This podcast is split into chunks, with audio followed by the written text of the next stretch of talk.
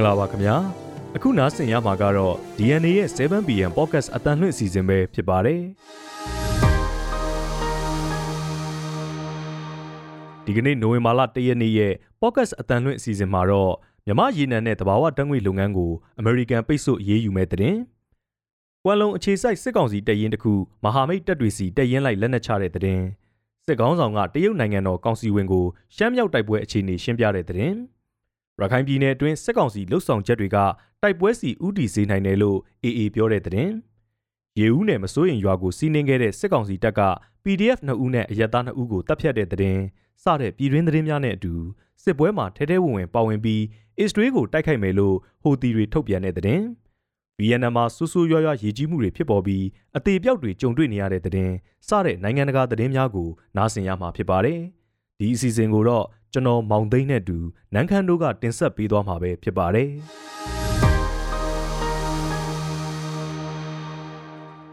အခုပြည်တွင်းသတင်းတွေကိုတင်ဆက်ပေးပါမယ်ရှင်။ပထမအဆုံးပြောပြချက်နဲ့အကြောင်းကတော့မြမရေနံနဲ့တဘာဝတက်ငွေလုပ်ငန်းကိုအမေရိကန်ပိတ်ဆို့အရေးယူရဲဆိုတဲ့အကြောင်းပါ။အာနာသိန်းစကောင်စီအတွက်နိုင်ငံခြားဝင်ငွေအတိကရှာပေးနေတဲ့မြမရေနံနဲ့တဘာဝတက်ငွေလုပ်ငန်း MOGE ကိုတန်ခတ်ပိတ်ဆို့အရေးယူကြောင်း အမေရိကန်ပြည်ထောင်စုဗန်နာရေးဝန်ကြီးဌာနကမနေ့ကထုတ်ပြန်လိုက်ပါတယ်။ဒါဟာရှမ်းပြည်နယ်မြောက်ပိုင်းမှာမဟာမိတ်တပ်တွေရဲ့ပြင်းထန်တဲ့ထိုးစစ်နဲ့ရင်ဆိုင်နေတဲ့အတော်အတွင်းစစ်ကောင်စီအတွက်လောလောလတ်လတ်ထပ်တိုးလာတဲ့သတင်းဆိုးတစ်ခုဖြစ်လာပါတယ်။ American ပန်နာရေးဝန်ကြီးဌာနနိုင်ငံခြားပိုင်ဆိုင်မှုထိန်းချုပ်ရေးယုံ OFAC ကမြန်မာရေနံနဲ့တဘာဝတက်ငွေလုပ်ငန်း MOGE ကိုအကန့်အသတ်နဲ့ပိတ်ဆို့အရေးယူတဲ့စစ်ရင်မှာထည့်သွင်းလိုက်တာပါ။ စစ်ကောင်စီရဲ့ထိန်းချုပ်မှုအောက်ရောက်သွားတဲ့နိုင်ငံပိုင်ရေနံနဲ့တဘာဝတက်ငွေလုပ်ငန်းဟာနိုင်ငံခြားဝင်ငွေအမြောက်အများရှာဖွေပေးနိုင်နေပြီးစစ်အုပ်စုအတွက်အထောက်အပံ့ဖြစ်စေတာကြောင့်နိုင်ငံတကာကပိတ်ဆို့အရေးယူကြဖို့ပြည်ရင်းတော်လှန်ရေးအင်အားစုတွေကအာဏာသိမ်းကာလတလျှောက်လုံးတောင်းဆိုနေကြကြတာပါအဖွဲ့ဝင်28နိုင်ငံပါဝင်တဲ့ ဥရောပသမဂ္ဂ EU ကလည်းပြီးခဲ့တဲ့2022ခုနှစ်ဖေဖော်ဝါရီလမှာ MOGE ကိုပိတ်ဆို့အရေးယူကြောင်းကြေညာခဲ့ပါသေးတယ်။ဒါပေမဲ့အခုအမေရိကန်ရဲ့အရေးယူမှုဟာ MOGE ရဲ့ငွေကြေးလည်ပတ်မှုအလုံးရပ်တန့်သွားတဲ့အဆင့်မျိုးတော့မဟုတ်ပဲချီငွေအာမခံဗန်စရင်ဖွင့်လှမှုယင်းနှမြုပ်နှံမှုစတဲ့ငွေကြေးဝန်ဆောင်မှုလုပ်ငန်းတွေကိုတစ်ခုချင်းအရေးယူထားတာပါသွေးစွန်းငွေဖြတ်တောက်ရေးလှုပ်ရှားမှု Blood Money အဖွဲ့ရဲ့အဆိုအရအာနာသိမ့်ပြီးနှစ်နှစ်အတွင်းရေနံနဲ့တဘာဝတက်ငွေကန်နာကနေဒေါ်လာ1.25ဘီလီယံဝင်ငွေရရှိခဲ့တယ်လို့ဆိုပါတယ်။ထိုင်းနိုင်ငံကိုတဘာဝတက်ငွေတင်ဖို့ရောင်းချနေတဲ့ရတနာစီမံကိန်းတစ်ခုတည်းကပဲဝင်ငွေဒေါ်လာ1.1ဘီလီယံရှိတယ်လို့လည်းသိရပါတယ်။ဒုတိယသတင်းတစ်ပုဒ်အနေနဲ့ကွမ်လုံအခြေစိုက်စစ်ကောင်စီတပ်ရင်းတစ်ခုမဟာမိတ်တပ်တွေစီတပ်ရင်းလိုက်လက်နက်ချတဲ့သတင်းကိုပြောပြပေးပါမယ်။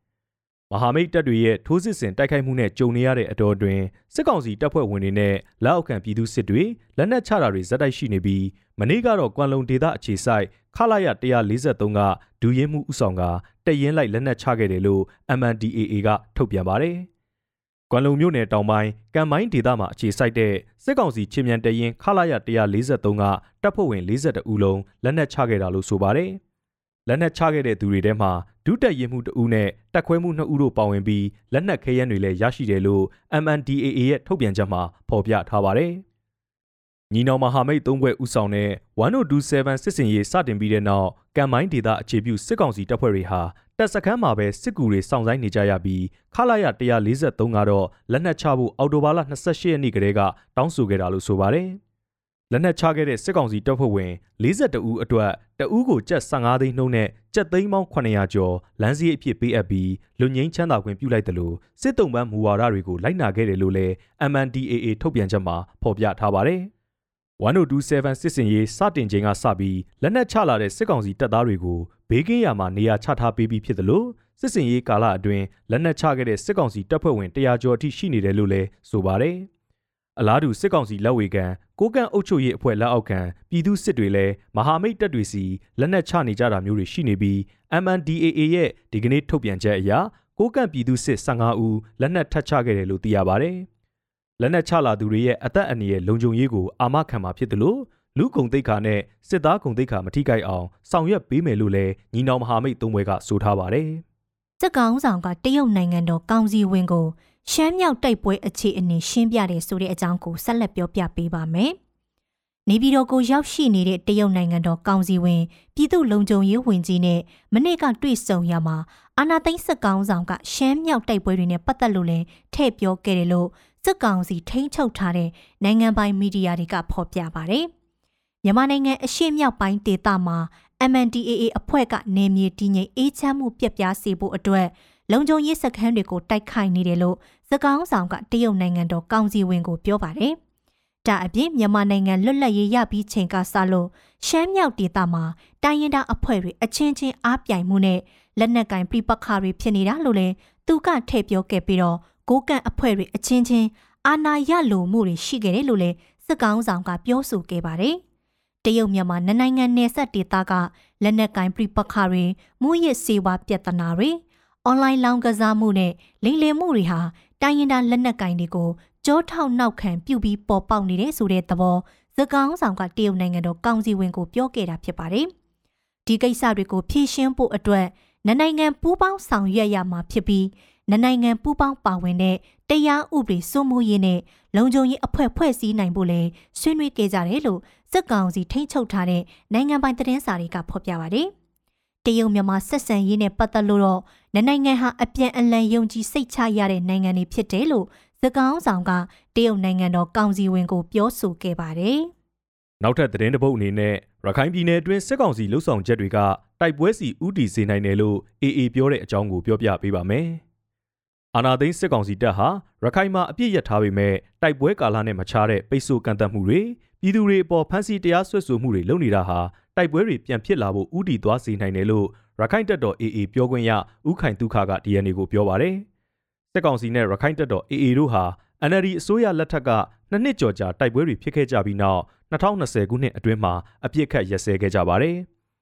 အဲ့ဒီအပြစ်ရက်ကာလဟာတစ်နှစ်ကျော်သာကြာမြင့်ပြီးခဲ့ပြီး2020ခုနှစ်နှစ်လယ်ပိုင်းမှာတိုက်ပွဲတွေပြန်ဖြစ်ခဲ့ကြပါတယ်။အဲဒီနောက်လပိုင်းအကြာ2022ခုနှစ်နိုဝင်ဘာလ26ရက်မှာ ဂျပန်နိုင်ငံနီပွန်ဖောင်ဒေးရှင်းဥက္ကဋ္ဌမစ္စတာဆာဆာကာဝါရဲ့ဂျားဝင်စီစံမှုကြောင့်နှစ်ဖက်အလွတ်သဘောအပြစ်ရက်ခဲ့ကြပါတယ်။ပြီးခဲ့တဲ့ပထမအကြိမ်အပြစ်ရက်ကာလတုန်းကလည်းစစ်တပ်ရဲ့အဲ့ဒီလိုလုပ်ရက်တွေကြောင့်ပဲနှစ်ဖက်တင်းမာမှုတွေမြင့်တက်ပြီးအပြန်အလှန်ဖမ်းဆီးမှုတွေကနေတဆင့်တိုက်ပွဲတွေဖြစ်ခဲ့တာလို့ဥခိုင်ဒုက္ခကထောက်ပြပြောဆိုပါတယ်။စစ်ကောင်စီတပ်နဲ့ AA တို့အပြစ်ရက်ခဲ့စဉ်ကရခိုင်ပြည်တွင်းကုန်စီစေဝါတည်ယူမှုတွေကိုလွတ်လွတ်လပ်လပ်ခွင့်ပြုဖို့ဖမ်းဆီးထားသူတွေကိုပြန်လွှတ်ဖို့နဲ့ ထပ်ပြီးဖမ်းဆီးတာတွေမလုပ်ကြဖို့နှစ်ဖက်သဘောတူထားခဲ့ကြတာပါ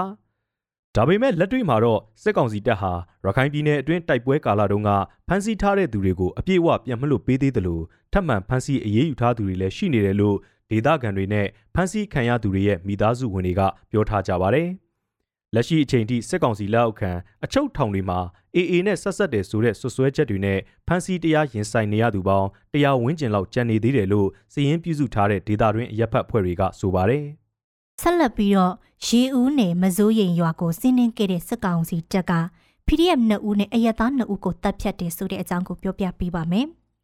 စကိုင်းတိုင်းရေဦးမြို့နယ်မစိုးရိမ်ကျေးရွာကိုစကောင်စီတပ်ဖွဲ့ဝင်တွေဝင်ရောက်စီးနင်းခဲ့ပြီးတော့ပြည်သူ့ကာကွယ်ရေးတပ် PDF ကင်းသမား2ဦးနဲ့အယက်သား2ဦးကိုတပ်ဖြတ်သွားခဲ့တယ်လို့ဒေသအခြေစိုက်တော်လှန်ရေးအင်အားစုတွေကပြောပါတယ်။အင်အား80ဝန်းကျင်ပါဝင်တဲ့စစ်ကောင်စီစစ်ကြောင်းဟာအော်တိုဘာလ30ရက်ည10နာရီခွဲလောက်မှာမစိုးရိမ်ရွာကိုအလစ်အငိုက်ဝင်ရောက်စီးနင်းခဲ့ပြီးတော့အခုလိုတပ်ဖြတ်မှုတွေလုပ်ခဲ့တာလို့ဆိုပါတယ်။တည်ဆုံသွားတဲ့ကင်းသမား2ဦးဟာ ဘယ်တော်လန်ရေးတပ်ဖွဲ့ကဆိုတာကိုတော့မသိရသေးပါဘူး။စကောင်စီတပ်ဖွဲ့ဝင်တွေဟာမစိုးရိမ်ကြေးရွာကနေအနောက်ရွာအတွင်းထွက်ပြေးနေတဲ့အရက်သားတွေကိုလိုက်လံပစ်ခတ်ဖမ်းဆီးတာကြောင့်ဒေသခံတချို့ထိခိုက်ဒဏ်ရာရရှိခဲ့တယ်လို့ဒပရင်မြို့နယ်ညီနောင်များအဖွဲ့ကထုတ်ပြန်ထားပါတယ်။အဲ့ဒီလိုကြီးထိမှန်ခဲ့တဲ့အတွက်ရေဦးမုံရွာလမ်းဘေးမှာ အမျိုးသားတဦးနဲ့အမျိုးသမီးတဦးတေဆုံးနေတာကိုအော်တိုဘာလ31ရက်မနက်ပိုင်းကတွေ့ရှိခဲ့ရပေမဲ့ဘယ်သူတွေဆိုတာကိုတော့မသိရသေးဘူးလို့လည်း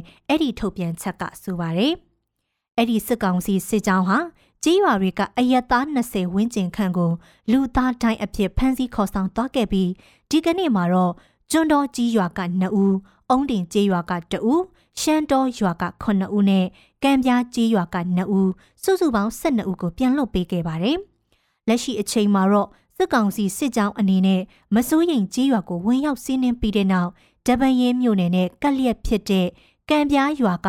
ပုတ်ပါယုံဖုန်ကြီးကျောင်းမှာဝင်ရောက်တက်ဆွဲထားတယ်လို့သိရပါတယ်ရှင်။ဆက်လက်ပြီးတော့နိုင်ငံတကာသတင်းတွေကိုကိုမောင်သိန်းကတင်ဆက်ပေးပါမယ်ရှင်။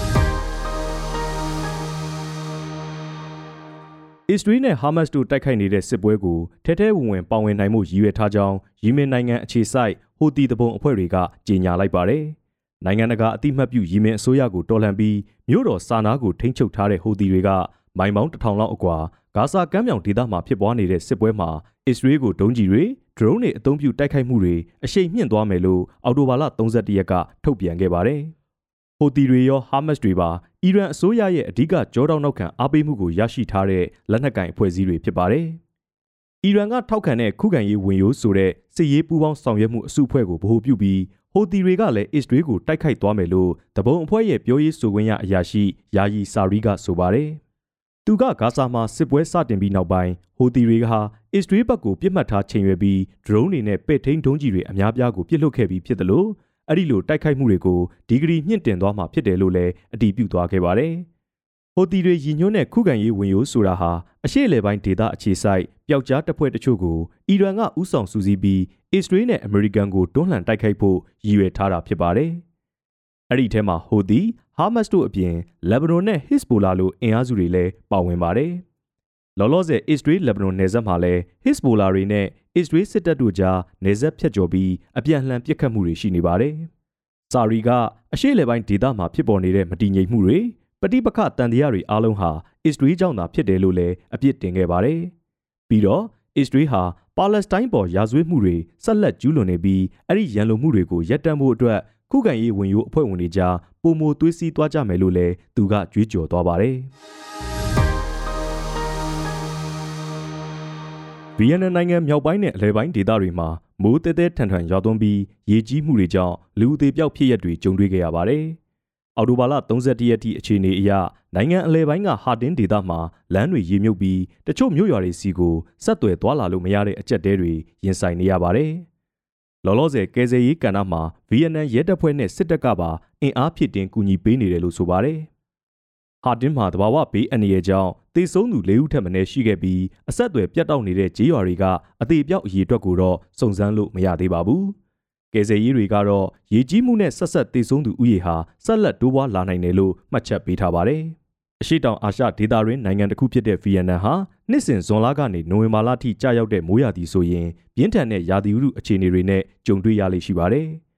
2023ခုနှစ်နှစ်စန်းပိုင်းကစလို့ဗီယက်နမ်မှာတဘာဝဘေးအန္တရာယ်နဲ့ဆက်ဆက်တဲ့ဖြစ်စဉ်တွေကြောင့်တေဆုံးသူဦးရေဟာ136ဦးထိများပြားခဲ့ပြီးဖြစ်တယ်လို့လည်းအစိုးရရဲ့စီးရင်တွေအရသိရပါဗျ။